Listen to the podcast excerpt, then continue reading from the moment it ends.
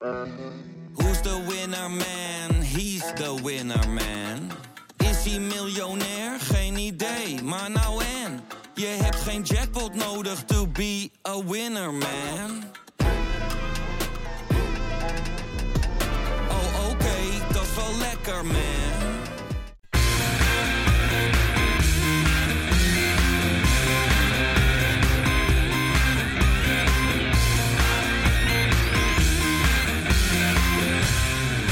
Geloel. 28 mensen. Ja, ik heb het geteld. Om me heen, zondag bij Feyenoord Sparta, zaten op vak QQ in totaal 28 mensen. Allemaal met mondkapje op. De een nog mooier versierd dan de ander. En van achter die mondkapjes zagen we Feyenoord een minuutje of acht swingen. Met circusartiest Azar Khan en baltovenaar Summerville in de hoofdrol. En onze Slavische van Persie mag ik ook niet vergeten. Maar buiten die korte periode in de eerste helft was het vooral de tijd uitzitten. De Feyenoordliedjes werden dit keer niet gezongen, maar geklapt. En ik heb mijn buurman, die echt op anderhalve meter zat, heel zachtjes hoera horen fluisteren. Het was vooral heel stil. Hoogtepunt in de tweede helft. De halve kuip kon meegenieten van een ober die de halve bestekla op het zomerterras uit zijn klauwen liet flikkeren. En er zakte een fotograaf door zijn krukje. Humor natuurlijk, maar dit was het gewoon net niet. Feyenoord thuis, het was voor de verandering een keer geen ene reet aan. Dat was een aftrap van een gloedje nieuwe Keingeloel. Met, jawel, Jopie Hey. en Marijn. Ja, Ja, ja, er ik dacht ik kom ook weer een keer. ja, er zijn ook wat luisteraars die hier nu meteen eh, de podcast uitzetten, geloof ik. Laat ik beginnen met zeggen dat ehm, Feyenoord op de goede weg is door de eerste twee topaankopen sinds het vertrek van Van Geel. Misschien dat we ze dan weer terug hebben, die, eh, die luisteraars die mij normaal gesproken niet zo eh, kunnen pruimen. Ja, nou, we, we hebben, we hebben een bijzondere gast aan tafel. eh, want ja, we gaan tegenwoordig gewoon op tv. eh, gaan we, we komen bij Fox en eh, Johan. Ach. Je was niet helemaal herkenbaar, maar eh, je had een mondkapje ongeveer tot over je voorhoofd eh, getrokken. Maar ja, Ja. je, je was goed in beeld. Ik eh, was even bij Fox in beeld, ja. En voor het eerst dat ik in mijn leven een mondkapje op had. En dat ging niet helemaal goed. Dat ding zat inderdaad ongeveer van mijn ogen tot ongeveer mijn, mijn oksels. Dus mijn moeder, die wel weet hoe zo'n mondkapje op moet, die ging s'avonds toen ze de beelden zag, zei ze van... Johan, ja, dit moeten doen en dat moeten doen. Ja, jongens, ik, ik ben er niet zo mee bekend. Dus ik heb er maar het beste van gemaakt. Maar zoals Marijn eh, in een tweet zei, het is eh, misschien beter voor iedereen geweest... dat ze maar een bepaald deel van mijn hoofd hebben gezien. Ja, nou ja, sterker nog, Pierre van Hooijdonk, eh, die heeft zich ermee mee bemoeid. Die vond het allemaal een beetje ver gaan. Want je stond op het voorplein en daar eh, moest je ook met een mondkapje op, hè? Ja, dat waren de, de voorschriften van, eh, van Abu Talib, hè. Dat, eh, die moest alles, iets, iedereen rondom het stadion en in het stadion moest een mondkapje op. Dus ja, we, we kunnen er wat van vinden, maar dan moeten we ons echt richten tot de politiek. Daar heeft Feyenoord in zoverre Nou. helemaal niks mee te maken. Maar heel eerlijk, dat mondkapje is toch... Ik vind het zelf geen enkel probleem. Ik heb er geen last van gehad. Ja, je hebt dat ding over je, over je neus zitten. En, eh, ja, heb jij Ja. dat wel dan? Eh, Nee, ik, vond ik, het ook niet ik- heel... van tevoren ja. had ik wel bedenkingen. Dacht ik van, joh, pff, dat wordt, dit wordt een lange zit. Zeker in die enorme warmte. Maar het viel me best wel mee. Het is, eh, ja, het is, het is even wennen. En ik ben een brildrager gekregen van tevoren al van mensen te horen van... joh, met een bril beslaat dat ding voortdurend. Nou, heb ik ook geen last van. Dus blijkbaar had ik hem dus wel net goed genoeg opgezet... dat ik niet last van mijn brilbeslaging had. Maar nee, het, het, het went. En eh, is het fijn? Nee. Doe, doe ik het liever zonder? Ja. Maar Durf ja, je wel een slokje water te nemen of zo? Want ik, ik was daar al bang voor. Ik denk, ja, zo komen ze met vijf man beveiliging eh, mij uit dat vak werken. Heb je een stadionverbod omdat je een slokje water neemt? Ja, ik wilde een pepermuntje nemen. Die heb ik heel stiekem zo onder mijn mondkapje gestopt. maar ja, ik had zo'n King Extra Strong had ik. En dat, dat is best... eh, Dus, maar dat, dat, die, die, die, die walm, die, die kwam in mijn mondkapje. Dus op een gegeven moment kreeg ik traanogen van mijn eigen pepermuntje. Dat, Ja, dat had ik Maar niet het kan, bedacht. het kan nog erger, want dat moet je dus echt... Je moet geen boertje laten met zo'n mondkapje op. Want dat blijft dus gewoon 10 minuten hangen. Hè? Dat is geen gein. Maar nee, maar er waren zelfs eh, meisjes van Ola. Ik ga nou geen reclame maken of zo, maar dat is natuurlijk een ijsjesmerk. En die Ja. kwamen eh, ijsjes verkopen. Ja. En ja, dus blijkbaar mag, mag je dat dan wel doen op zo'n En je mag ook water meenemen, toch? Ja, dat bijna eh, aanbevolen om Ja, water, dat mag ik hopen. Dat is toch een, klein hitteplannetje was het wel, denk ik. Ja. Eh, Maar, Maar- overigens, ja, mondkapje op lijkt me niet zo'n groot probleem. nee. Eh, ik hoorde de voorzitter van Zwolle zeggen na hun eh, oefenwedstrijd afgelopen weekend. Ja, als, het in, eh, als het in de trein kan, dan gaan we binnenkort toch gewoon met een vol voetbalstadion met mensen met mondkapje. Dat moet toch te doen Ja, zijn? ik was het met die man wel op zich wel eens hoor. Ik heb dat ook gezien. En dat is wel waar je naartoe zou moeten, moeten willen gaan, denk ik. Ik vond, eh, want eh, we gaan het zo natuurlijk uitgebreid over die wedstrijd hebben. Hè. We gaan het niet vergeten, helemaal niet. Maar er was natuurlijk eerst een training. Een eerste training met publiek erbij. En, en daar waren wel wat eh, moeilijkheden door ontstaan. Er was een groepje, nou wat zou het zijn geweest? 30 man. Zoiets, Dat ja. eh, constant gewoon bleef zingen. Ehm, ondanks natuurlijk het op, de oproep van doe, constant, dat, doe dat niet. Ze hebben een paar keer een liedje ingezet, dus we moeten ook niet doen alsof die, het, het hele training door gezang was. Maar goed, er werd wat gezongen en dat was natuurlijk de aanleiding voor Abu Talib om de maatregelen wat op te leggen. Dat die, waar eerst 9000 geloof ik supporters naar binnen mochten. Ja, 7000. Sorry, 7000 werd ineens teruggeschroefd naar 3000. Ja, was geen Ja. probleem, want eh, dat die was niet eens verkocht, hè? Dus eh, En toen, toen trad de wet op dat mensen een boegbeeld nodig hebben. Hè, eh, de hele entourage van Feyenoord heeft dat waarschijnlijk naar Fox Sports gecommuniceerd. Zet nou een boegbeeld van de supporters, zet die nou neer en laat hem nou het goede voorbeeld geven. En laat hem nou vertellen hoe je het als supporters moet doen. En alle Feyenoord supporters zagen Johan Brinkel met een mondkapje tot over zijn ogen vertellen, jongens. Op deze manier kunnen we naar het stadion. Genoeg- Laten genoeg over mij, jongens. gaan. en je ziet geen problemen meer. Geen problemen oh meer ja, ik ben de reden. Nee, dat totaal een, niet. Een Nee. boegbeeld hebben we Nee. nodig. Maar, maar hoe, hoe hebben we het in het stadion ervaren, Wes? Want jij en ik zijn al twee Ik- geweest, maar Rijn, jij was er niet. Hoe, hoe, hoe, Nou ja, hoe, hoe- hoe ik- vonden we het uiteindelijk, zeg maar, met zo weinig publiek? Want Ja. er mochten maar 3000 mensen naar binnen, maar die waren er bij lange na niet. Nou ja, je hebt mijn aftrap natuurlijk al gehoord. Ik, Ja. ik vond het echt helemaal niks aan. Ik heb het een paar weken van tevoren al eh, gezegd. Als dat echt de maatregelen gaan zijn, ja, dan kan je net zo goed niet gaan.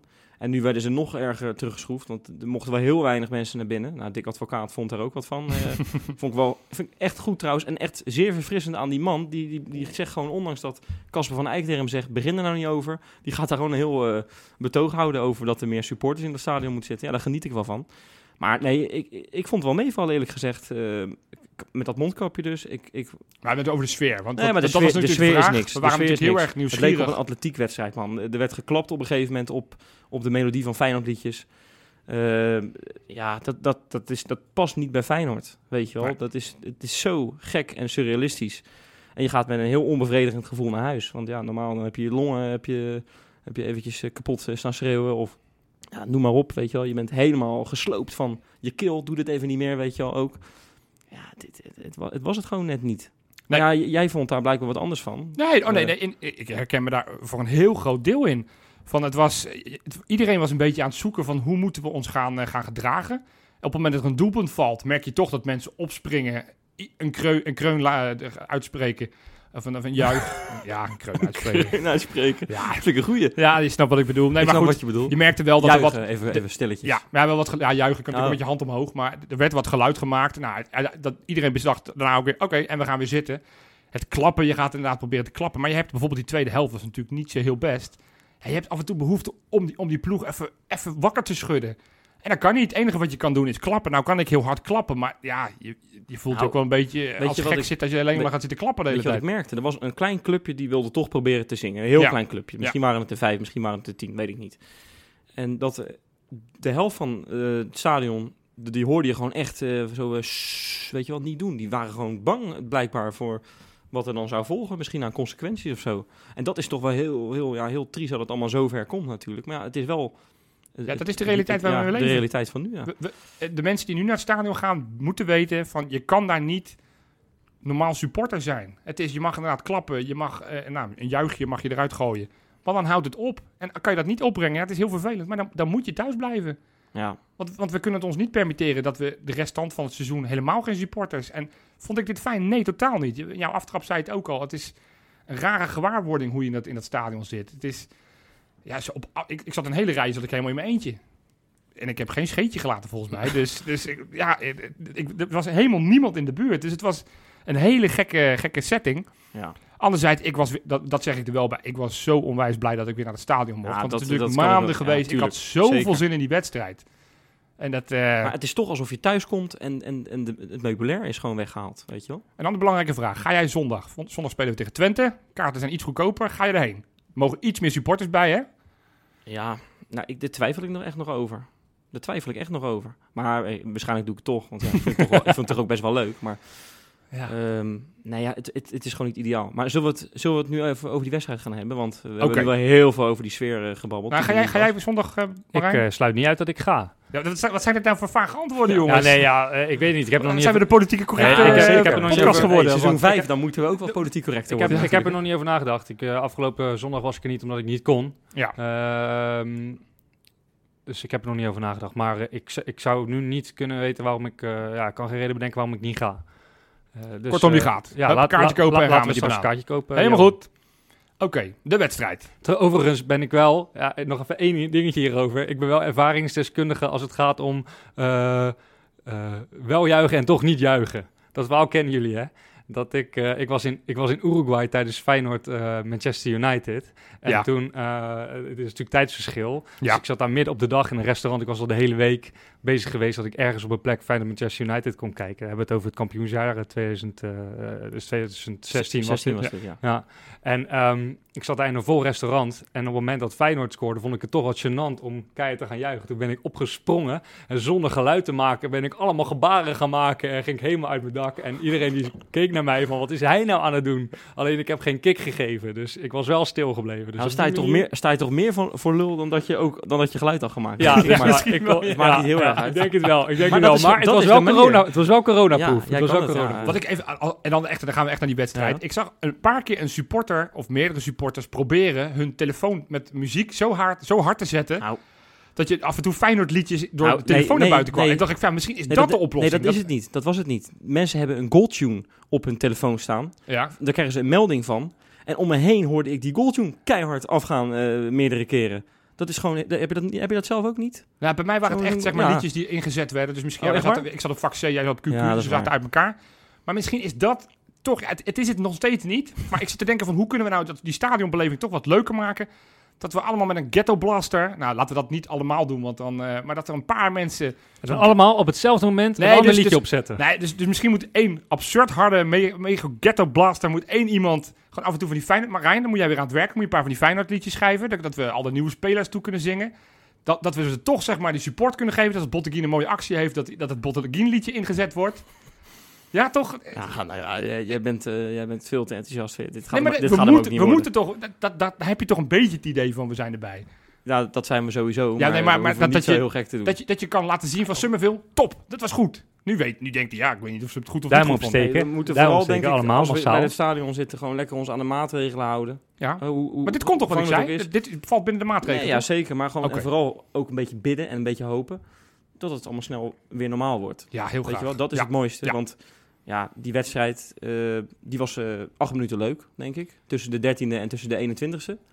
Hey, en daarbij nogmaals, eh, terugkomend op die voorzitter van Zwolle. Ik kan in dit... In dit ik kan, ik wil echt de wedstrijd niet bespreken, hè? ik kan in dit... Ik kan in dit eh, sorry. Ik kan in de trein tegenover eh, iemand anders met mijn vriendin gaan zitten bellen met een mondkapje op. Dus waarom kan je dan niet met mondkapje op gewoon een liedje zingen? Nou goed, het komt allemaal wel. Ik ben, het, eh, Ja. ja. ik ben geen viroloog, maar het klinkt logisch. Goed, de wedstrijd. Ja. Wat vonden we ervan? Jij zegt het was maar acht minuten leuk. Ik vond die eerste helft wel best wel prima. Ja, oké, was wel Het was- het was- Ik vond Feyenoord gewoon heel slecht beginnen. Laat ik het, de eerste 13 minuten was Sparta gewoon beter. Nou, en Feyenoord. Feyenoord komt daar gewoon, Echt Ben ik ook totaal niet. niet met Ben je ik eens. ook Feyenoord komt daar gewoon onterecht op 1-0. Nou, Ja, het is echt zo. waarschijnlijk heb je dan toch te veel eh, naar de buurman zitten kijken. Want Feyenoord het was de eerste actie die waar Feyenoord überhaupt in, in de buurt kwam van het 16 meter gebied. Dat was een goal, zeg jij? Dat was een goal, zeg jij? Dat was dat was een oké. ja. En er was echt een schuivertje ergens, want zij zijn toch ook niet... Ze hebben toch Nee, ook nee, niet nee, gevoeld, dat was nee toch maar dat komt, die hebben een spits hadden ze lopen. We gaan het niet over Sparta De wedstrijd kwam, niet- kwam niet meteen los, maar eh, aan de andere kant, als je binnen, binnen iets meer dan 20 minuten stond het, eh, stond het 3-0 Ja, of zo, hè? Nee, dat, dat, is, dat wil ik zeggen. Dan ben je daarna goed aan de wedstrijd los. begonnen. Eh, nou ja, uiteindelijk wel, ja. Het begin van de wedstrijd, dan zou je zeggen, eerste kwart, nou, toen stond het volgens mij al 2-0. Als het Ja, niet al 3 daar was. ga je. 21. Nee, maar goed, ja, maar een stuk na die 13 minuten was top. Dat zeg ik toch? 8 minuten was het leuk. Ja. Wat, Dus- waren de, wat waren de uitblinkers voor jullie? We hebben natuurlijk heel veel spelers aan het werk gezien. Ja, ik kijk naar jou Marijn. Eh, Haps en Senesi. Haps en Senesi. Zo. Nou, Nou, kan- ik- ik eigenlijk, de Haps vind ik zeker. Eh, Senesi vond ik wel oké. Eh, Nou, oké. Alleen voor die paas Niet normaal. verdient hij al negen tuurlijk, man. Ja, zeker, zeker. Maar we beoordelen hem vooral op het verdedigende werk. En Nou, was- niet ja, dat het was, gewoon oké. was gewoon oké. Ja. Maar die paas inderdaad, ja, die was, dat was stijve kokenwerk. Laat ik hem er even ingooien, weet je Ja, wel. ja. Dat was eh, geweldig. En eh, Maar Haps, Haps die voorzet vervolgens ook, hè? Ja, Precies één keer goed. raken, hè? Ja, het, het Het was, was het niet was, aannemen. het was echt een waanzinnige echt- goal. Dat is echt tof. echt een waanzinnige goal. ik, Dus, ik vraag me af wat hij gedaan heeft in die coronaperiode. Maar die, die, die, ziet er heel goed uit, Haps. Ja, ik ga jou straks in eh, het volgende item vertellen wat hij gedaan heeft. Ja, oké. Nou, daar ben ik heel erg benieuwd naar. maar goed, ja. dat waren voor jou de uitblinkers. Voor jou, eh, Wes? Eh, ik, vond, eh, ik heb echt genoten van Summerville. Ja. Die vond ik echt eh, lekker fris spelen. Vooral de eerste helft. Hè. De tweede helft was ook daar het beste wel vanaf. Nee, ja goed, maar dat, dat, was bij iedereen. was- iedereen was slecht die, die tweede helft. Ik Het zou zou- gek zijn als ik iemand uit die tweede helft zou noemen. Het was ook een typische hittewedstrijd. Hè? En dan, eh, Ja. dan zou het voor de nieuwe spelers niet hoeven gelden. Maar voor wie het dan wel zou mogen gelden, dat het zo warm is, dan is het Summerville. dat was de enige samen met de keeper die bleef staan. Ja. Ja, ja. Eh, die vond ik heel leuk spelen. Die maakt ook een hele knappe goal, ik. goal, ja. Ja. Hoe die daar voor, test komt, dat is, dat is gewoon een prima verdediger voor Sparta. Daar komt hij heel knap voor, voor de man. Die, zet hem heel makkelijk weg. Hij is natuurlijk hartstikke klein. Wat, wat is hij? 1,74 meter 74 of zo? Ik, eh, zoiets zal het zijn. Ja, niet, ik, eh, heb, ik heb het opgezocht. Eh, als het klopt, zou die 1,74 moeten zijn. Want ik dacht nog, hoe klein, hoe klein is hij nou echt? Is hij echt te klein? Want dat hoort hij natuurlijk heel vaak. als, er, als er kan, en hij scheelt toch niet zoveel. En als Ja, er nou, kan, zeggen we nou- steeds van dat het een, een lilliputter is. Als maar ik naar Azar kan kijken, heb ik echt het idee, en ik, ik noem het net al even, dat het een soort ja, acrobaat is of zo. Een soort, een soort circusartiest. Dit, dit geloof je gewoon niet. Maar die doet echt hele leuke dingen met de bal. ik vond hem heerlijk spelen. Want dat was, als je, als je mijn uitblinker vraagt, vind ik, vond ik het als er kan. Dat was degene waar je misschien het minst verwacht, omdat hij eigenlijk niet bij de selectie zat. En, maar ik vond hem heel verfrissend spelen. Ook die, die, die assist die hij geeft op die goal van, Ja, eh, van assist, dat was dat, goed, ja, hè? Dat was zijn beste moment eigenlijk, die assist.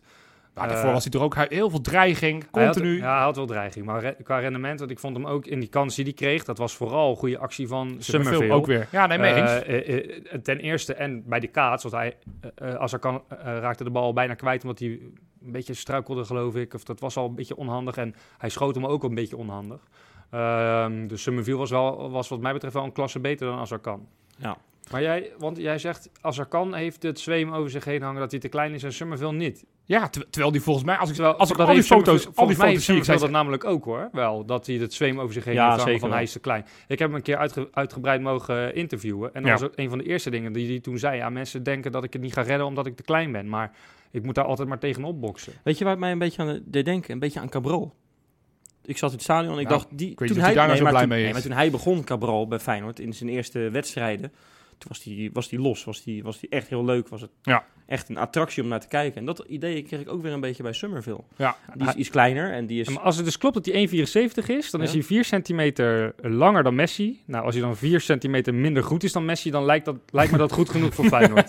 Ja, wel. Ja, denk ik wel. Ja, ja, zeker. Nee, daar Teken ervoor. tekenen we zeker voor. Hey, een andere naam die ik toch met jullie wil bespreken. Ik vond het namelijk ver, verbazingwekkend dat hij op linksback stond in de tweede helft. Man waar we ongeveer al een jaar naar hebben zitten kijken van... Kan die wat? Is het überhaupt een voetballer of is het een mythe?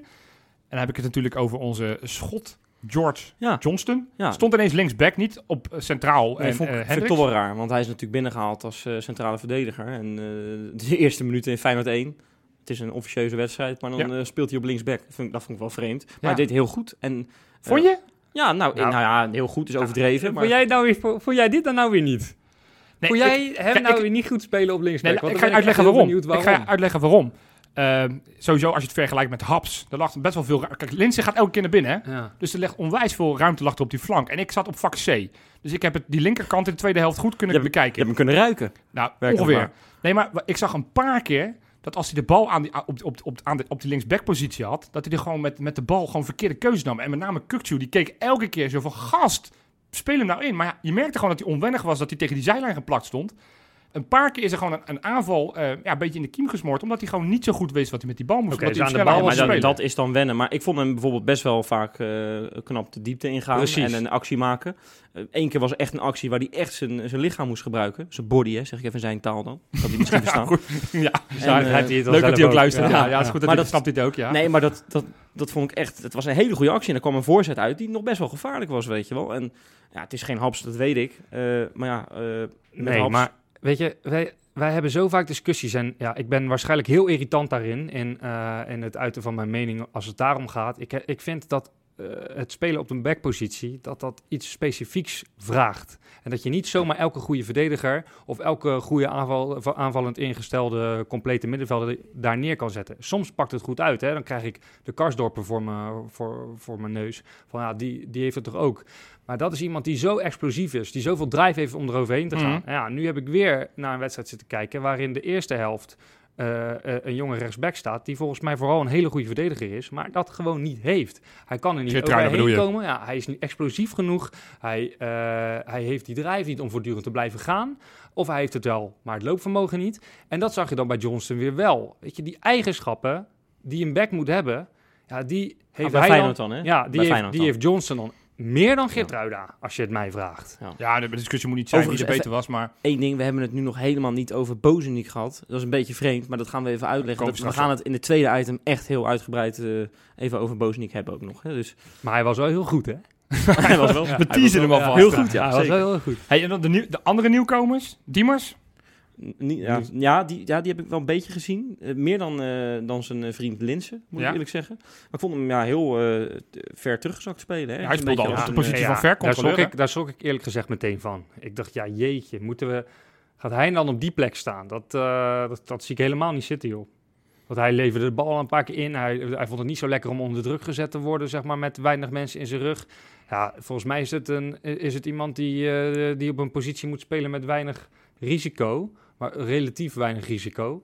Ah, terwijl bij Fortuna speelde hij toch ook vaak tegen zeven man nog of zo. Ja, weet je hij wel? Dat hebben wij, maar hebben hij wij, speelde toch, wel, hij maar- speelt toch juist echt, daar speelde hij toch juist echt met de punt naar voren. En wij spelen bij Feyenoord met de punt naar achter.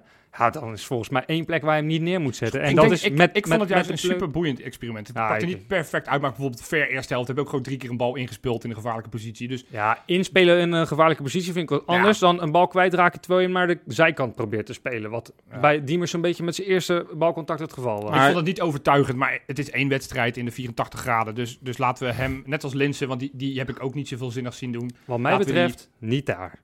niet daar. Nou ja, goed, we gaan het allemaal zien. En nog één dingetje wat we zeker nog moeten bespreken. Corona-geval in de selectie. Ja. We maakten al hele flauwe grappen van, hebben we toch nog corona binnengehaald?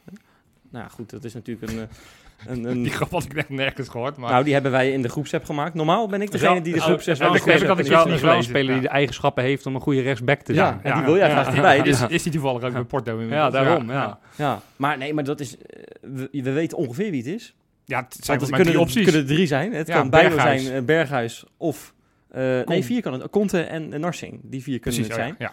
Ehm, Waarbij we er dan een beetje van uitgaan dat het of Narsing of Conte Maar het is Ja, niet het heel, is- het is speculeren, we hebben geen idee. ja, ik, speculeren. nou, ik vind het gek dat Feyenoord dat niet gewoon bekend maakt. Nee, Maakt dat, het uit. nee, joh, het uit, Privacy, prima. Ja, Ja, het is, Ja, eh, prima. dat is- en privacy, en het, heeft ook, eh, het kan ook nog invloed hebben op de marktwaarde van zo'n speler. Stel dat het Narsing is, lijkt wil het nog niet- kwijt- ja, kwijt. ja, dan moet je dat het echt, niet. Echt maar goed, maar de, hoeveel spelers, die bal heeft het ook gehad, weet je wel. En dat ben je na twee weken weer, ben je dat weer vergeten.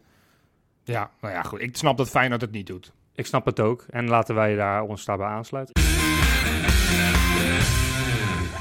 Ja, met eh, de blessure van Sven van Beek eh, zijn de zorgen bij Dick Advocaat eh, weer toegenomen. En niet alleen bij Dick Advocaat, maar ook bij heel veel andere mensen in de Kuip. Stond een groot stuk in, eh, in het AD eh, vanmorgen. Of maandagmorgen moet ik zeggen.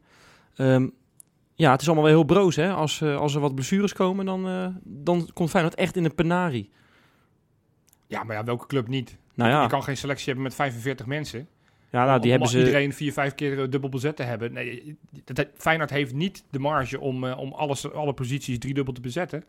Dus op het moment dat dan in dit geval een beoogd reservespeler wegvalt, ja, dan blijft er weinig over. En juist op die positie hebben we in de jeugd niet per se iemand lopen die, die, die dat gat kan opvullen. In tegenstelling tot bijvoorbeeld, nou ja, pak het middenveld of linksback zou misschien Hendricks kunnen. Eh, maar deze positie is wel vrij cruciaal. Ook omdat je de andere centrale verdediger, ja, George Johnston, die we net al noemden, ja, is misschien ook niet per se eh, nu al dat hij er staat. Dus eh we hebben wel een probleempje centraal Ik achterin. vind het overigens wel echt ontzettend sneu voor hem. Kijk, het is natuurlijk niet Ja. de beste voetballer die we hebben. En er wordt behoorlijk eh, over geklaagd als hij, als hij meespeelt. Hè. Dat is de afgelopen jaren ook vaak gebeurd. Maar vorig jaar heeft hij één wedstrijd meegespeeld in de Eredivisie. Ehm, en nu eh nou, dreigen dat er gewoon weer nul te gaan worden. Of in ieder geval heel erg laag. Je weet niet Ja. wanneer hij terugkomt. Ja, de, de, de- zijn tijd bij Feyenoord lijkt wel echt tot een einde te komen op deze manier, denk ik. Ja, ja. We weten niet hoe erg de blessure is. Misschien is het dat hij er een half jaar eruit ligt. Misschien is het langer. Het is vooral sneu voor hem.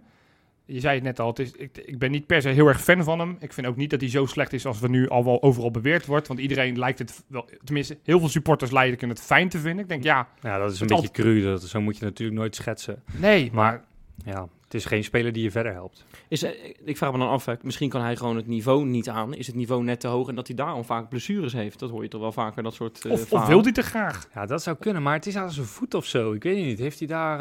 eh, Ja, is het- ja ik, ik heb geen idee. Volgens mij was het dezelfde bless- blessure als vorig jaar.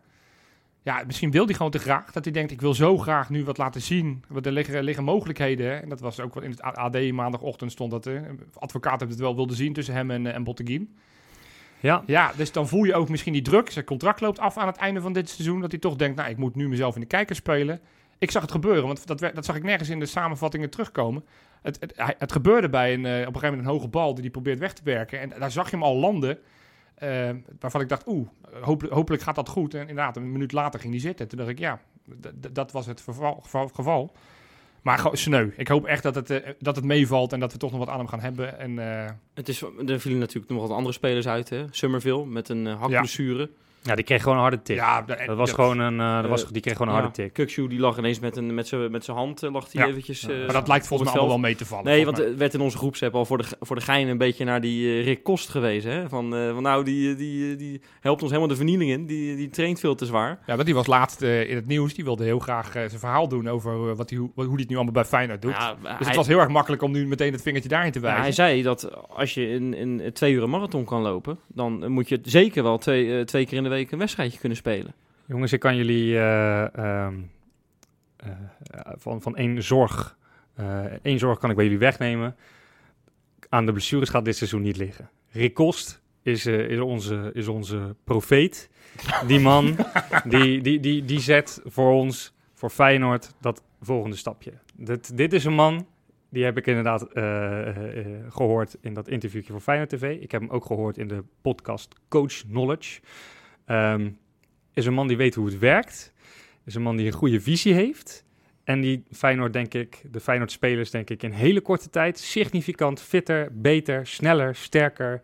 eh, alles wat je maar, eh, wat je maar, eh, wat je maar wilt, daar gaat hij voor zorgen. Standbeeldje, even standbeeldje voor Rick Kost Heel veel supporters zullen niet een idee hebben wie Rick Kost is. Wie, wie is Rick Kost? Rick Kos is de performance coach van Feyenoord. En Wat, wat doet een performance coach? hij is in eerste instantie is hij conditietrainer. Laten we dat maar even, dat is heel bout. Hij doet waarschijnlijk veel meer. Hij doet heel veel analyse, heel veel fysieke analyses.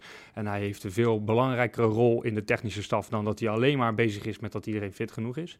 Maar eh, eh, in, in zekere zin is eh, het zijn taak dat er een topsportcultuur heerst binnen de hele club.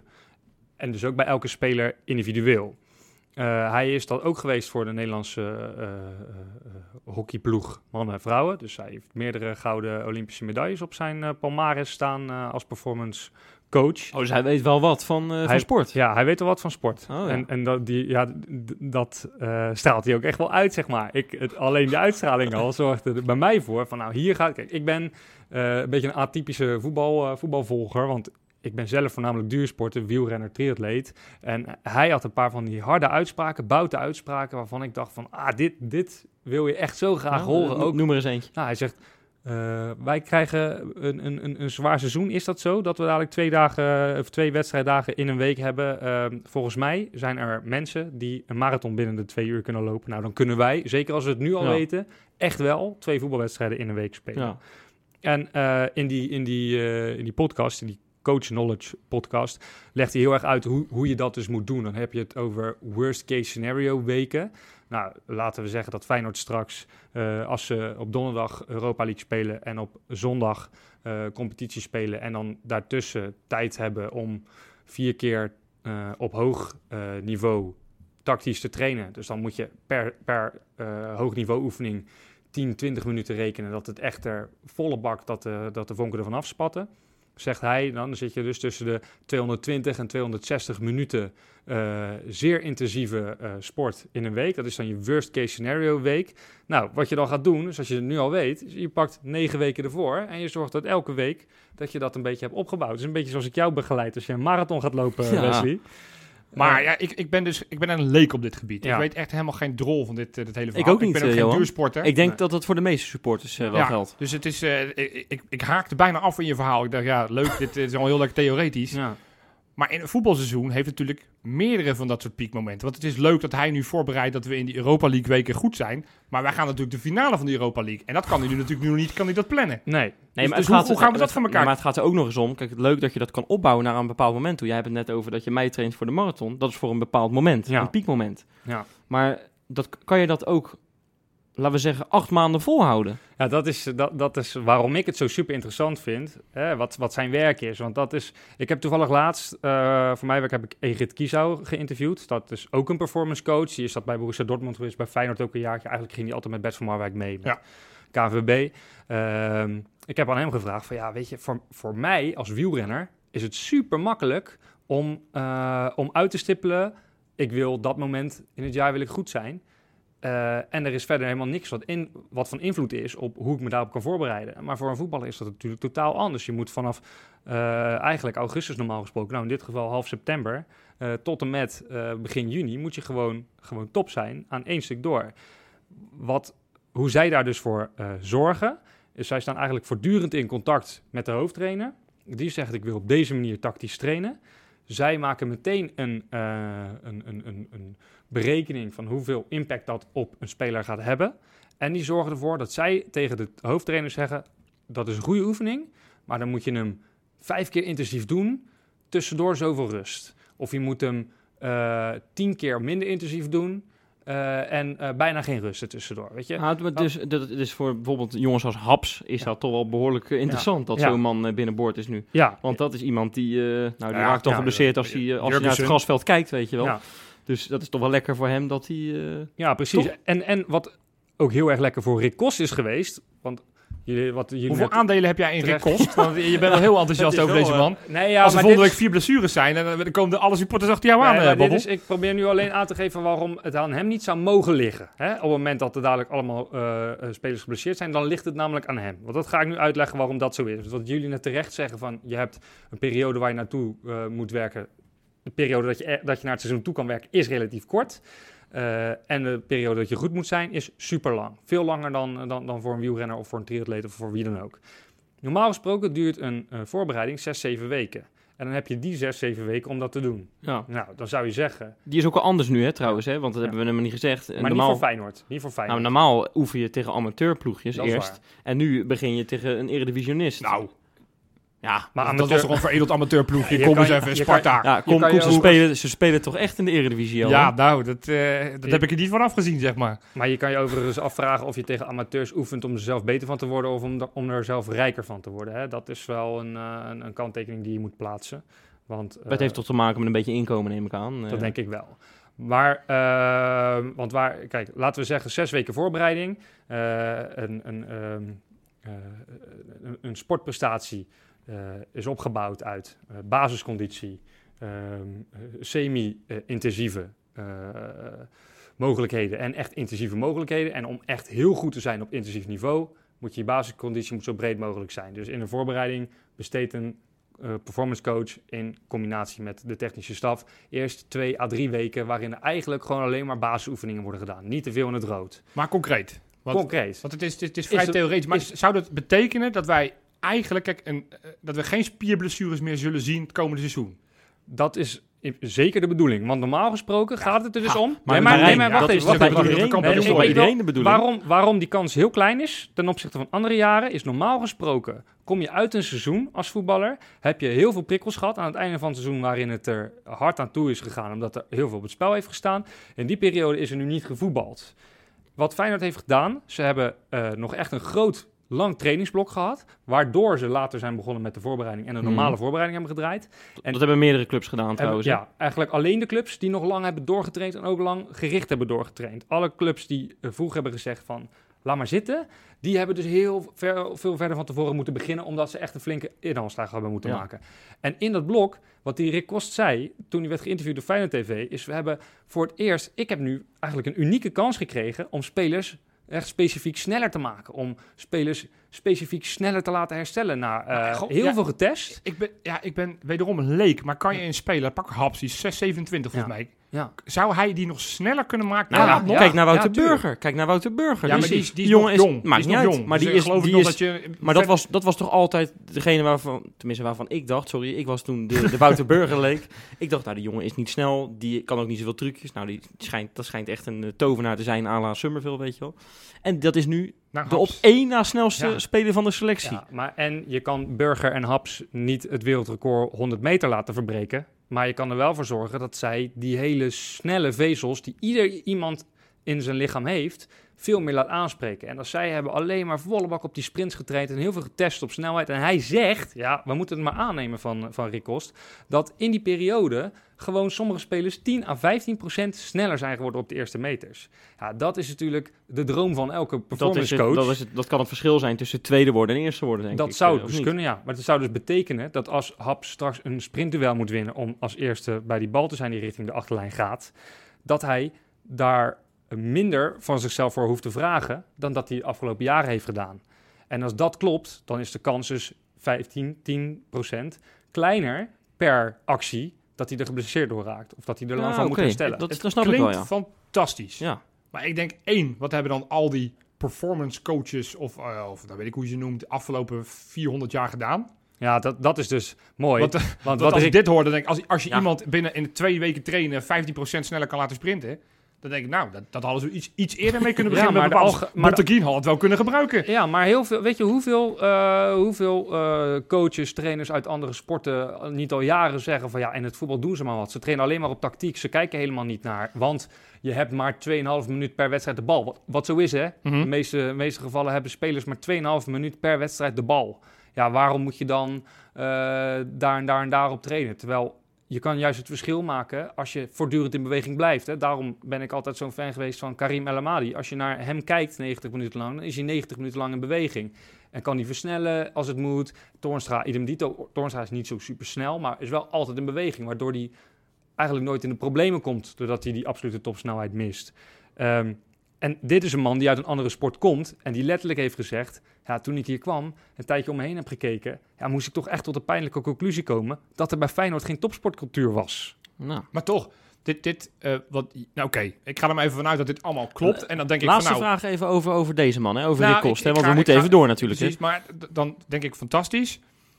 Maar dat betekent ook onwijs veel respect voor Dick Advocaat, die op zijn oude dag toch blijkbaar eh, input van Rick Kost, die ja, nog niet zoveel bekendheid heeft volgens mij in het Rotterdamse, maar dat hij daar wel voor open staat. Want, want het vergt wel een andere kijk, want blijkbaar heeft Kost dus ook wat te vertellen over hoe intens een training mag zijn. Ja, Dat vind, dat, dat vind ik wel tof van Dick Advocaat. ik Ga ga er bekend eerlijk staat een beetje als Ja, oude Dick, man Dick die met advocaat, oude... die weet ook dat hij niet alles meer kan uitstippelen. Nee, maar toch? ik ga er ook vanuit dat dat contact tussen eh advocaat, dat advocaat wel eh, gewend is om met conditietrainers te overleggen. En hij zal nu alleen eh, ja, iets andere opdrachten krijgen. Maar Marijn, Wanneer, wanneer, kunnen we zeggen dat Rick Kost een goed, het goed heeft gedaan afgelopen jaar? nou, dat zal waarschijnlijk in mei worden. Als je op de uh, Colsingel staat, weet je wel. Ja, misschien, maar misschien ook wel als je in de komende tien wedstrijden eh, relatief vaak eh, in het laatste kwartier scoort. Maar eh, Marijn, Nou, of, of dat we vrijwel geen spierblessures hebben. Nou, laten we Kan zeggen, als Haps, Jurgensen en eh Ver het hele seizoen fit blijven, dan eh,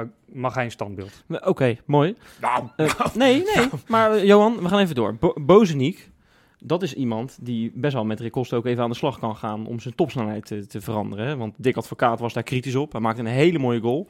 De, de, de eerste tegen Sparta was die kopgoal, die echt na die geweldige paas van Snezi op Haps. En, maar die tweede goal, daar kan hij echt snelheid tekort, Bozeniek. Heb je het gezien?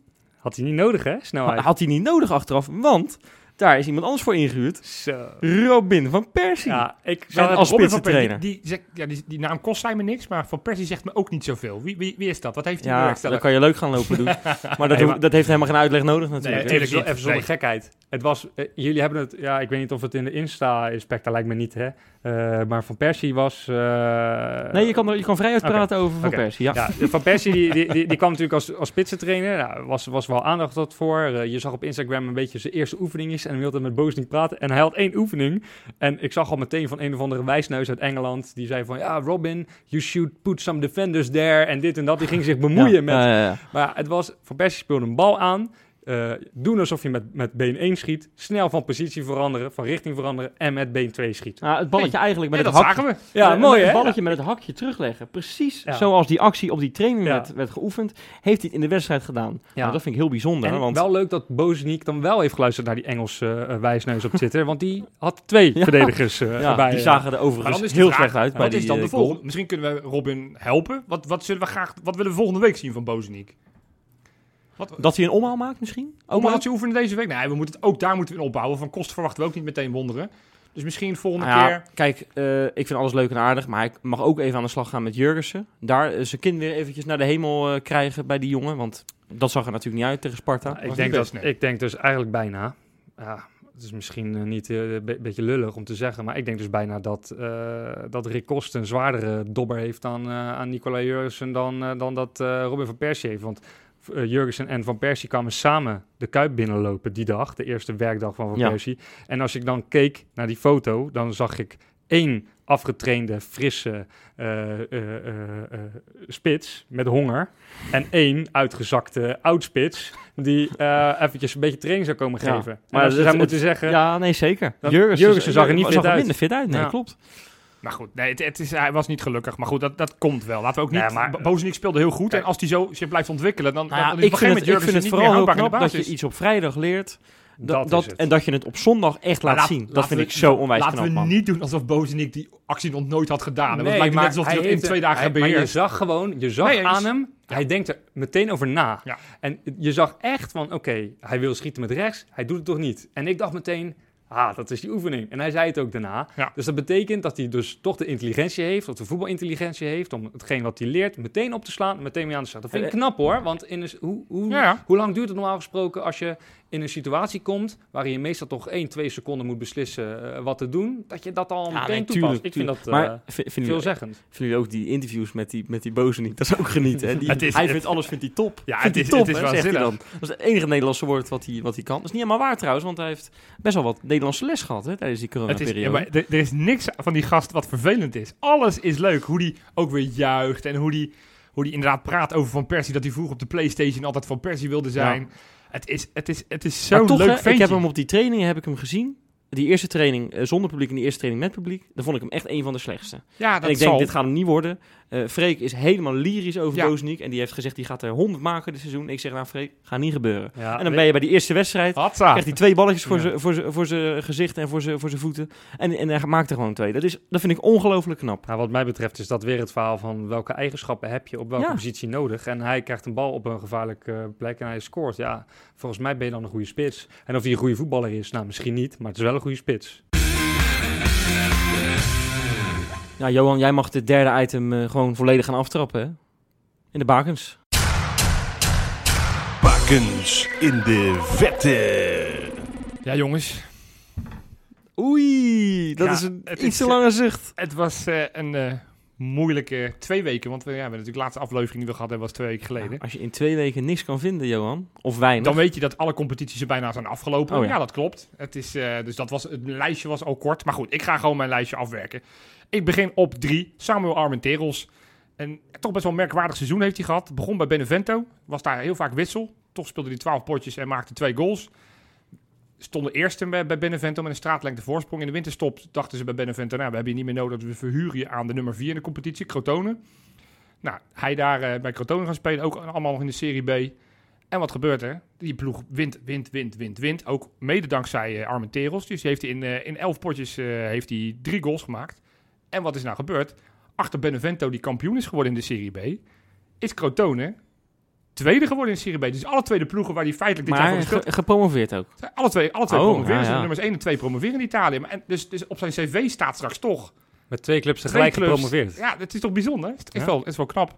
Maar goed, ook bij, ook bij de tweede club, Crotone, was hij ook meer wissel dan, eh nou, wat ik zeg, dan basisspeler. Maar goed, hij heeft het wel gedaan. Twee promoties achter zijn naam in één seizoen. Hartstikke mooi. Op nummer twee, ja, we gaan naar, eh, naar China. Eindelijk mocht hij weer voetballen. Wat heeft hij er lang op moeten wachten? En dan ga ik natuurlijk... Graziano? Nee, ja, die, eh, die, die wat minder. Ik heb het over Sam Larsson. Oh. Weet u nog die zielige beelden dat hij eh, in, in quarantaine moest in Hongkong? Dat hij acht weken van zijn vrouw verwijderd was. En het was heel Ik sneu. geloof ook dat hij op een gegeven moment naar Zweden is Zweden gevlogen is om daar met zijn oude club Ja, mee te trainen. Precies, toch? het was een hele zielige verhaal. Nou, hij heeft in ieder geval weer gaan, gaan voetballen. Zijn tweede pot bij zijn nieuwe werkgever Dadian maakte hij meteen een mooie goal. Een afstandsgoal met zijn rechterbeentje in het, in het verre hoekje. Ehm, maar het gaat daar niet zo best met zijn clubje, want ze hebben er nu vier gespeeld. Twee gelijk, twee verloren. Staan, eh, staan laatste. Ja, dat gaat niet Eh. Die staat op nummer 2, Ja, maar Armenteros staat op nummer je- 3. je Ik begrijp het niet meer, Johan. Huh?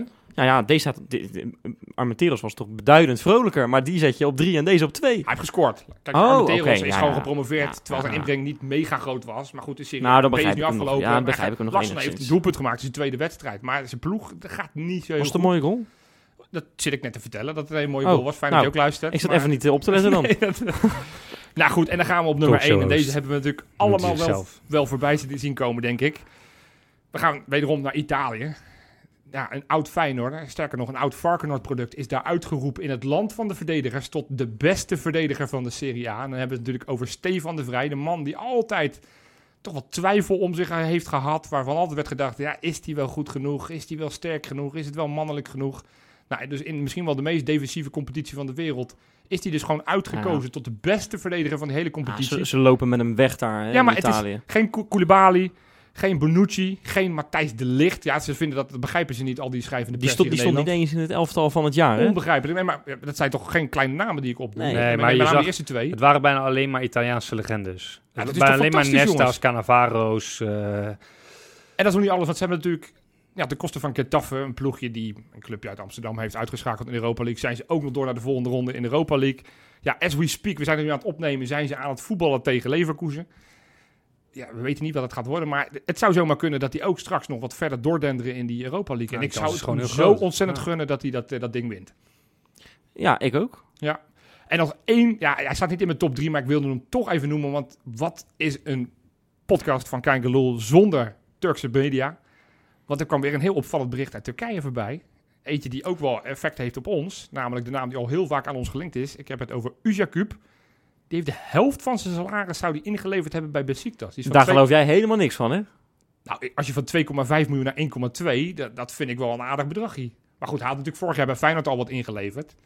En nu, eh, nu, nu, nu nog Ja, wat het schijnt meer. dat de halve selectie dat daar heeft gedaan, omdat die, eh, Nou, dat, het gaat niet dat zo goed gaat heel Nee, erg gaat, slecht. eh, De, de, de topscorer daar, die moet daar al weg omdat hij te duur was. Maar eh, wacht even, wat betekent dit? Hij lag nog een jaar vast. Twee jaar, tot Twee jaar vast. 2022. En hij gaat nu dus de komende twee jaar de helft minder verdienen. ja. En that's it, punt. ja, maar ja, dan weten we wel, want we hebben er nog steeds ge- gedacht en gehoopt, misschien heel veel supporters, van nou, laat hem maar weer terugkomen naar Rotterdam. Als je dit doet, dan, dan gaat hij natuurlijk nergens heen. Dan blijft hij gewoon lekker bij Besiktas. Dus eh daar kunnen Hoezo we nou? Hoezo? Ja, waarom zou hij genoegen nemen met... Waarom gaat hij in onderhandeling met die club om zijn salaris te verlagen... om vervolgens na een maand te zeggen... Toedeledokie, ik ga naar een andere club. Het, is niet per se on- eh, het lijkt me toch niet per se onderhandelingen. Ik kan me heel goed voorstellen dat hem, dit hem is opgelegd. En dat hij ermee akkoord is gegaan met het idee van... Nou, stel dat ik geen nieuwe club vind... dan heb ik in ieder geval nog eh eh, 1 en een kwart miljoen. Ja, het eh, blijven, komend toch, jaar. het blijven toch Turkse media, joh. je weet niet of het serieus je weet het nemen. nooit. Wat, zou je, het wat zou je dan doen? Zou je zeggen, ja nee, dat doe ik niet. En dan verdien je niks. En dan word je, wordt je contract ontbonden. Nou ja, ik denk dat je... Maar goed, ik weet hoe het Turkse eh, recht is... maar ik denk dat als je een contract hebt waarin staat... dat je 2,5 miljoen per jaar krijgt... dat Nou, je een aardig punt hebt. Dan moet je voor, zeggen... voor de gein even aan, E- aan El Giro Elia vragen. Die heeft geloof ik een half jaar niet uitbetaald gekregen terwijl die kampioen is geworden. Dus eh, het is, het is, ja, ik, ik, ik smul er altijd van. Maar goed, zou in hier ieder geval, niet te daar kunnen we conclusies aan verbinden. Ik denk dat we daar een streep doorheen kunnen zetten. Ook met het laatste gerucht. ja, eh, leuk dat je het weer voor me wegkaapt. Ik dacht, ik, ga even, ik heb een heel leuk bruggetje in mijn hoofd, maar dat laat maar. Maak hem maar. Ja, ik zeg Nee, meer. nee, je hebt, je hebt hem al ingeleid. Ja, nee, want Feyenoord zou eh, ja, eigenlijk zo goed als eh, de club zijn waar eh, Fra- Francesco Antonucci, Doe je nog even aan bronvermelding? Een Feyenoord transfermarkt, die Ja. heeft dit weer naar buiten gebracht. En die, eh, dat, nou, dat, dat Nee toch? Dat is toch een Waalse journalist die, eh, die dit heeft... eh, Oh, ben ik nu gewoon credits aan het geven? nee, die, hebben, eh, die heeft het laatst doorgegeven dat het wel heel erg dicht, eh, dichtbij is. eh, ik, heb, ik heb begrepen dat een Waalse journalist ja, gaan, we nu, heeft, gaan we nu serieus hebben over wie de bron was? heeft, ge- he- heeft gecheckt eh, waar hij naartoe zou gaan. En daar kwam Feyenoord uit. Nou, Hoe dan ook. Ja, een, eh, een hele leuke speler. Ik heb hem vorig jaar vooral in de samenvattingen van FC Volendam vaak voorbij zien komen. Want die- die kijk jij altijd. De samenvatting van FC Nou Volendam. ja, ik heb ook eh, volgens mij in dezezelfde samenstelling met jullie twee niet heel lang geleden al. Oh ja, dat wel een eeuwigheid ja, geleden een pleidooi Jonk, eh, gehouden voor. Wim Jonk als, eh, als de opvolger van uh, Dick Advocaat. Ik vond Volendam heel fris spelen. Ik vond het een leuk elftal. En elke keer als ik die Antonucci goals zag maken, was het allemaal van buiten de 16. En de ene zat er nog mooier in dan de andere. Dus het is een, een fijn aanvallend spelertje. We vergeten even dat hij ook nog een tijd in de hoofdstad heeft rondgewaggeld. Maar goed, dat, eh, we hebben allemaal jeugdzondes. Maar het, het is denk ik volgens mij wel een hele fijne speler om erbij te krijgen.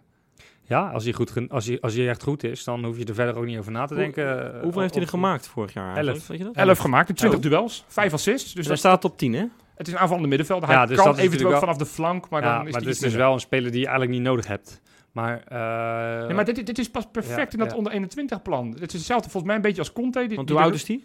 Hij is, eh, hij komt ook uit 19, 99. 19. Oh, ja, ja. Nee, hij is niet. Hij is, eh, zeg ik dat goed? ik dacht die 9. nee, hij komt uit oké. 99. Hij is wel Oké. 21. Oké. Ehm, met hetzelfde verhaal als Conte. Die komt ook uit 99. Die, zijn, ja, die kunnen nog meespelen als dispensatiespelers bij de onder 21.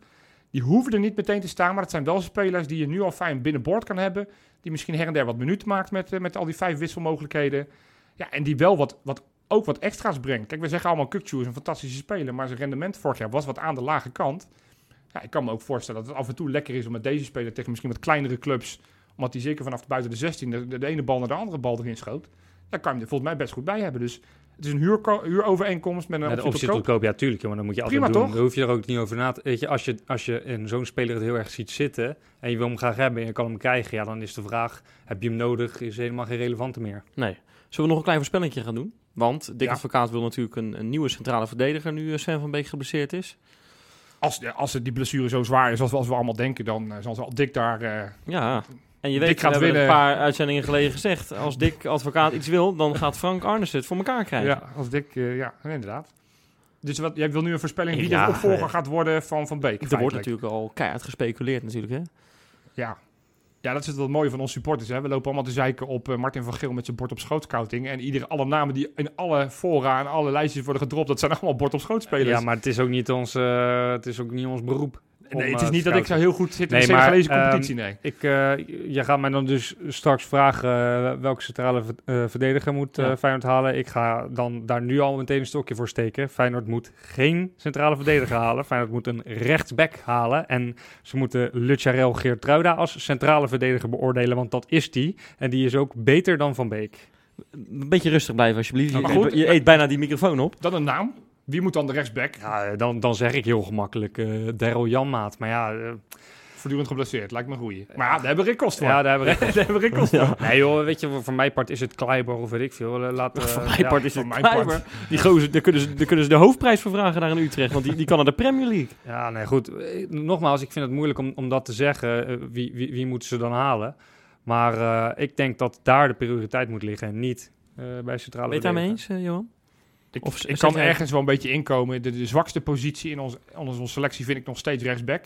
Ik ben echt niet kapot van Nieuwkoop. Ik vind Geertruida daarentegen wel potentieel Vond hebben ik als overigens niet slecht tegen Sparta, hoor. Nee, Nieuwkoop. precies. Nee, oh nee, mee eens, mee eens. Maar het- ik, ik heb nog steeds wel twijfels bij zijn verdedigende capaciteiten. Mhm. En dat, dat, dat, dat sommige wedstrijden wordt hij daar wel beoordeeld. Ja, Ehm, met z'n tweeën zijn ze een goede rechtsback. ja, de ene kan wat beter aanvallen, de andere kan wat beter Ja. verdedigen. Ja, het zou wel een ideale combinatie. Misschien kunnen ze... Kan Rick Kost dat ook? Spelers klonen? Dat Nou, die- die klonen twee, is eh, juist niet de bedoeling. ja, Ja, er- precies, er- dat is best, eh, Siamese eh, tweeling van maken. Ja, zoals jij net zat te praten over die Rick Kost, dacht ik een beetje, een beetje Marvel-filmachtig. Nou, misschien kan die hier met deze twee, eh, twee gasten kan die daar wat moois van maken. Hè? Ja, ik ja, zie het helemaal zitten. Bart Gertruida. ja, ik weet niet wat ik hierop moet zeggen op deze eh, fantasie weer, weet je wel. Het is niet te geloven. Ja, ik heb wel die... Geertkoop. Dat ik geen zo'n FIFA-naam krijg dan, weet je wel. Nee, maar goed. eh, dus nee, ik denk wel dat er een centrale verdediger... en dan zou ik misschien die ook nog op de positie van Ver. Dat, dat zou ik denk ik dat Feyenoord gaat doen. Want ik denk namelijk dat ze niet geen rechtsback gaan halen. En wie dat dan is, mag jij nu gaan zeggen, Wes. Nou, ik, ik zag het een tijdje terug. Mike van der Hoorn, die is weg. eh, Die is natuurlijk gedegradeerd bij eh, Swansea. Ja, het zou mij niks... Narsing Ver, we hebben Het zou mij echt niks verbazen als, ze als, ze zoiets, eh, als ze met zoiets op de proppen komen. Ja. Volgens mij zei iemand in onze groep, eh, we moeten Rick van Drongelen halen, maar die gozer is nog een jaar geblesseerd, geloof ik. eh, Dus, eh, linkspoot. Ja, ik ook zag dat, ook mensen dat. roepen eh, Congolo, maar dat is ook een linkspoot. Dus dat, dat slaat... Zou, ja, op de linksback hebben we natuurlijk ook achterhaps nu met de blessure Daar las ik dus trouwens over dat, hij, dat AZ in hem geïnteresseerd eh, Ja. sch- Ja, maar hij gaat naar. Fulham. Ja, nee, maar dat vond ik heel... eh, Daar speelde hij al. Ja, maar hij gaat naar Fulham. Hij blijft daar. Het gaat over Congolo, toch? Ja? Hij zat bij Huddersfield. Staat onder Nee, contract maar bij hij was Huddersfield. verhuurd. Hij was verhuurd. Ja, en hij gaat naar Fulham. Blijft hij daar? Ja. Oké. Nou ja. Je Ja. hoort het hier. nee, ik, dat vind ik ook, ik vind ik ook, vind ik alleen maar logisch. Want voor mij is, is, is- zit hij daar een half jaar bij Fulham nu. Ja, heeft hij één meegedaan. Eén wedstrijd gespeeld en Had ik geblesseerd. ook kunnen noemen in de bakens, hè? Ja, maar dat, Maar ja, doe, maar dat doe je dan weer niet-. Jij kiest dan weer Sam Larsson, die, die, die, die een doelpunt maakt in een wedstrijd die, die voor- voor Jan Tuitertjesbroek eh, Ja. meetelt, weet je wel. Maar goed, een naam die, waarvan ik ineens vandaag dacht van het zal toch niet, het zal toch niet. Cuco Martina. Die kan op drie, al die drie positie uit de voet. Ik zou, ik zou daar er niet blij van worden. Maar ik, ja, het is, het, met Marten van Geel hadden we, was het een garantie geweest. En dan was hij binnengekomen. Maar ja, ik, ja, ik- weet je wat? Ja, ik, wil, ik wil me wel laten verleiden tot het droppen van de naam. Doe maar. Ja, iedereen roept, en ik, ik heb hem niet zoveel zien spelen, dus ik kan er niks zinnigs over zeggen. Maar iedereen heeft het over die van Hekker van NAC. Maar ja, die schijnt 2, 3 miljoen te moeten kosten. Hebben we dat geld nog, dan zou ik zeggen, probeer het. In, in- ook in de geest van Antonucci en van, van Conte, van spelers die er misschien nu nog niet staan, maar er wel gaan komen. Maar ja, het, het- ik, ik weet niet of die Hey, goed en, genoeg eh, is. Ja, misschien heel Gaat gek. toch een naam? Ah, eh, ja. Ja, oh, die, eh, in heet je die, eh, jij kent hem, eh, ik, die, die, die jonge centrale verdediger van Sparta. Die, die donkere jongen. Een Duitser is het volgens mij, 18 jaar. Nou, die ken ik dus niet. Ja, die speelde afgelopen week. Ja, Ze- maar die, die, ik heb Tegen- tegen die Feyenoord. ja, nee, ik dit heb is die- een lekker dat was, gesprek, jongens. was een hele moeilijke naam. Of zo. Ja, het was een hele moeilijke naam inderdaad, ja. Dat klopt. En maar joh, Maar als als ja. we wat geld nog hebben om een speler weg te kopen, dan moet je wel iets meer hebben dan een gozer waarvan we niet eens weten wie het is. Nee, ja, maar hij was Toch? Dan, dan zou ik van Hekken zou ik Ja, iets logischer- begrijpelijker logischer. vinden. Ja. Ja, het is... eh, We zitten echt veel te veel te speculeren nu. hè, Hij, dit slaat ook nergens op. Nee, Dit slaat ook nergens op. Ik heb vertrouwen, ik heb vertrouwen in Arnissen. Ik denk echt Ja? dat hij... Precies. Ja, jij ja, bent wel tot- echt tot- helemaal... eh, Nee, ja, maar tot nu toe heeft hij... eh, eh, en we moeten allemaal gaan uit gaan pakken van... We moeten allemaal gaan kijken hoe het loopt. Maar tot nu toe heeft hij allemaal zinnige dingen gedaan. Dus eh, eh, nou, je noemt zinnig, maar zal ik na deze onzinnige vijf minuten speculeren over transfers maar even wat eh, zin brengen in de... Lijkt me een goed idee.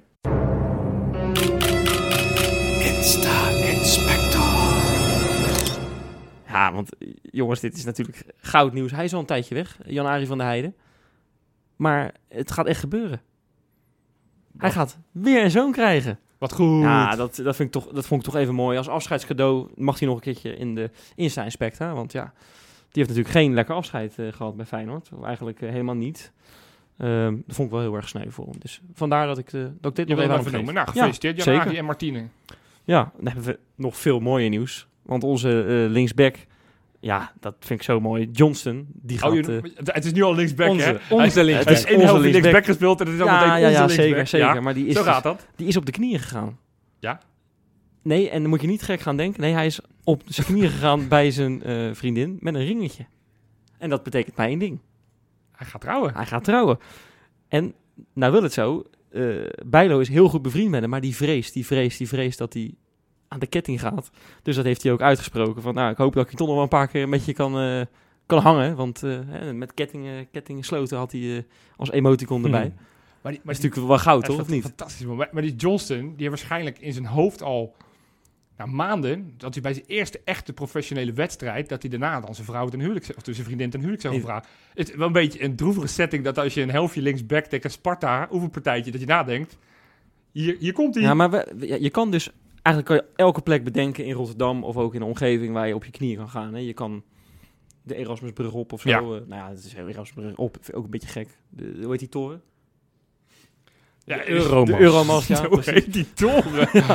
Maar weet je wat? Hij is eh, dus op zijn knieën gegaan op het balkon van zijn huis. Ja, dat vind ik dan toch wel weer, vind ik dat toch wel weer een Ja, tikje niet sneu. zien aankomen. Was Oké, ze hadden wel uitzicht op de Erasmusbrug en op die toren waarvan ik net de naam niet meer wist. Dus dat is dan toch wel weer leuk, hè? Mooi. Ja, Ja, heel tof leuk. dat hij zijn vriendin ten huwelijk vraagt Ja. in Rotterdam. Ja, Huh? zeker. Leuk, leuk George. Eh, de, het e-sports team van Feyenoord heeft een nieuwe aanwinst. ja. Maar nee, maar dan, moet, dan kan je, dan kan je nu alvast gaan lachen. Maar dit is echt heel serieus. De Vente. Ja. Huh? De Vente. Oké. Je zou denken van die jongen moet ook nog voetballen. Maar wij zijn aan die wedstrijd geweest. En een dag later speelde die op het kasteel mee bij het e-sports team van Feyenoord. Zo. En kon hij er wat van? Hij heeft een beetje potjes gebroken. Nou, ze, hebben, ze hebben een toernooitje niet gewonnen. Dus dan- Ja. ik zou zeggen, schaam je kapot. Want als je van Sparta verliest, eh, Ja, dan, eh, dan is dat wel heel matig natuurlijk. ja, ja. Oké. Ja. Wil je nog meer? Nou ja, doe er nog maar eentje. ja. Kom op. Eh, Tapia. Die is natuurlijk weg. Maar die heeft een afscheid gehad. Dat wil je niet weten. Eh, Michiel Kramer was erbij. Ah, uiteraard. Eh, Ja. Leroy Fer was erbij. Ja, Senezi was erbij. ja. Ja, ja, dat zijn toch niet de minste namen natuurlijk. was hè? erbij. Je hebt gelijk, Sinisterra. Maar Michiel Ja. Kramer overigens, even leuk. Want die zijn we natuurlijk helemaal uit het oog verloren. En je herkent hem ook niet meer. Ik niet Die heeft dus... uit het oog verloren, maar goed, ga door. Die, nou ja, die heeft dus gewoon nu een... eh, Blond. ja, Ja. een- ja, dat, dat ziet er echt niet uit. En, die heeft gewoon een, een- Nou, het is echt een soort alsof er een vogel overheen gescheten heeft. Zo, zo wit is het nu. We gaan Eh, het serieus nu hebben over het haar van Michiel Kramer. Vond ik even leuk. Vond ik even leuk. Hij gedroeg zich vaak als clown in de selectie van Feyenoord. Dan mogen wij dat ook even over hem doen. Ja. Dus, eh, maar hartstikke leuk dat hij eh, ook op het feestje was van eh Tapia. Ja, Die leuk. is letterlijk uitgezwaaid en die gaat nu naar Celta. Ja, welkom in de bakens. Oké, En van Persie wilde jij niet horen, hè? Want die heeft namelijk voor het eerst in zijn leven op een donut gezeten. waar die, eh, waar die al twee jaar over spreekt. ja, het is elke week is het, is het van Persie wat we bespreken. Opblaasdonut achter nou een een boot keertje voor... doen, maar eh, toch. nee, weer. maar dan zal ik hem niet noemen. Nee, hoog niveau, precies. hoog niveau, jongens. Oké, oké. Nou ja, jongens, eh, we hebben veel besproken, hè? Ja. Dan hebben we nog niet eens besproken Nee. dat Bernardo Silva een contract Nou, gaat krijgen. wat we niet eens hebben besproken. Silva. Een Portugees. Johan, wat we niet bespreken hier is de locatie waar we natuurlijk weer zitten. Hè? Ik bedoel, eh, ik kijk een beetje zo links over mijn schouder heen. Ik zie de Kuip. Ik kijk een beetje rechts over mijn schouder heen. Je ziet de Sligo. dat klopt, ja. Dat Ja, klopt. Dan weet je waar je ongeveer bent. Ja, dit is toch... eh, we zitten op het eh, kantoor van de, van de Feyenoorder. Wederom, ja. Daar zijn we natuurlijk op uitnodiging. En eh, met, met overigens een heel mooie, mooie grote tafel met een enorme Kuip erop. Ja, dat is toch goud? Helemaal goud. Ja, het is hier, het is hier fijn vertoeven. Ik heb Hey, het gevoel dat eh, we hier nog moet- wel vaker hey, gaan maar even komen. serieus, die Bernardo Silva, jij hebt hem aan het werk gezien, toch? Ik heb hem, eh, alle potjes die hij bij Feyenoord heeft, eh, heeft meegedaan, heb ik hem eh, aan het werk gezien. Dat is op papier natuurlijk wel een, een handige aankoop. het is, het is op papier is is het een- verdedigende ja, middenvelder, ja, papier, ja. 19 jaar, jeugd international. Maar wij hebben hem ook zien spelen. tekent hij. Vijf jaar zelfs. Vijf jaar. Nou, volgens mij tot 2024. Maar goed, maakt niet zo gek veel uit. Blijkbaar is er veel vertrouwen. Wat ik van hem gezien heb, was ik niet Het zo was- mega van was- onder de Het was indruk. best matig, kan ik je vertellen. Die wedstrijd eh, afgelopen dinsdag, dit speelde ze dat drieluik tegen Excelsior Maasluis en Sportclub Feyenoord. Daar vond ik hem niet uitblinken. Nee. Nee, en het potje daarvoor deed hij mee met onder 18. Hebben we ook gekeken. Wa- Was die ook niet geweldig.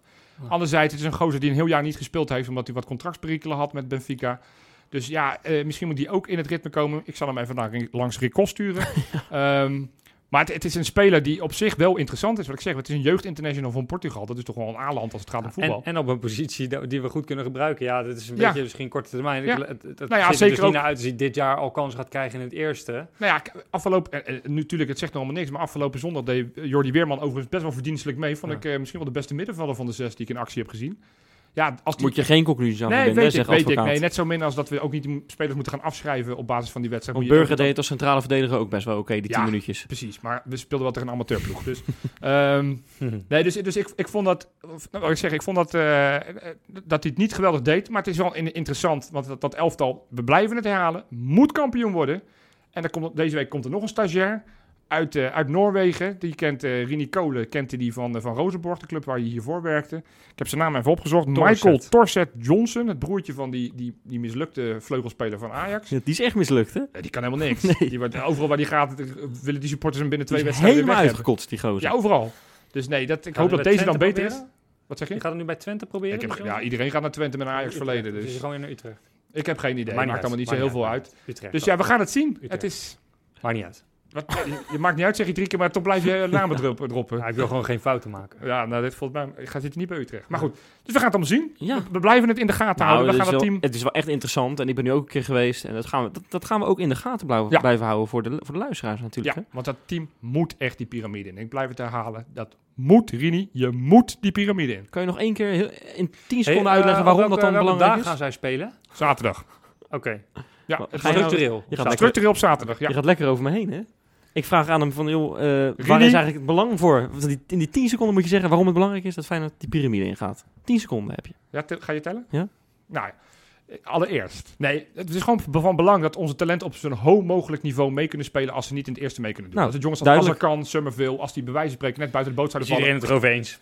Akkoord. Oké, dan weten goed. we dat. Hebben we nog patronen die, eh, Ja. die nieuw zijn, eh, Marijn? Ja, we mogen vijf nieuwe namen verwelkomen die luisteren naar de volgende namen. Jerre van Voorthuizen, Filip Buitendijk, Jan Volwerk, Stijn Oude Elverink, Jordi Kriekaert. Welkom. En wil je daar ook lid worden van ons mooie platform? www.patreon.com slash. Hebben we het zo allemaal weer gehad, jongens? Ja, Marijn, was er nog iets wat jij wilde zeggen? Ik wil het nog even over Rick hebben met je. We hebben nog één ding, want daar was vorige keer heeft, heeft Freek de, de, het seizoen 5 officieel geopend. Vorige week kregen we heel veel berichtjes van, joh, waar zijn jullie dan? We moeten nog even herhalen, in die, in die zomerstop, normaal gesproken deden we niks in de zomerstop, ha- hanteren we het schema van om de week. Dus volgende week zijn we er niet, maar die week daarna zijn we er wel weer. En als het seizoen echt begonnen is, als de competitie start, start zijn we er gewoon weer zoals jullie van ons gewend zijn. Elke week. Dus mensen, tot over twee weken.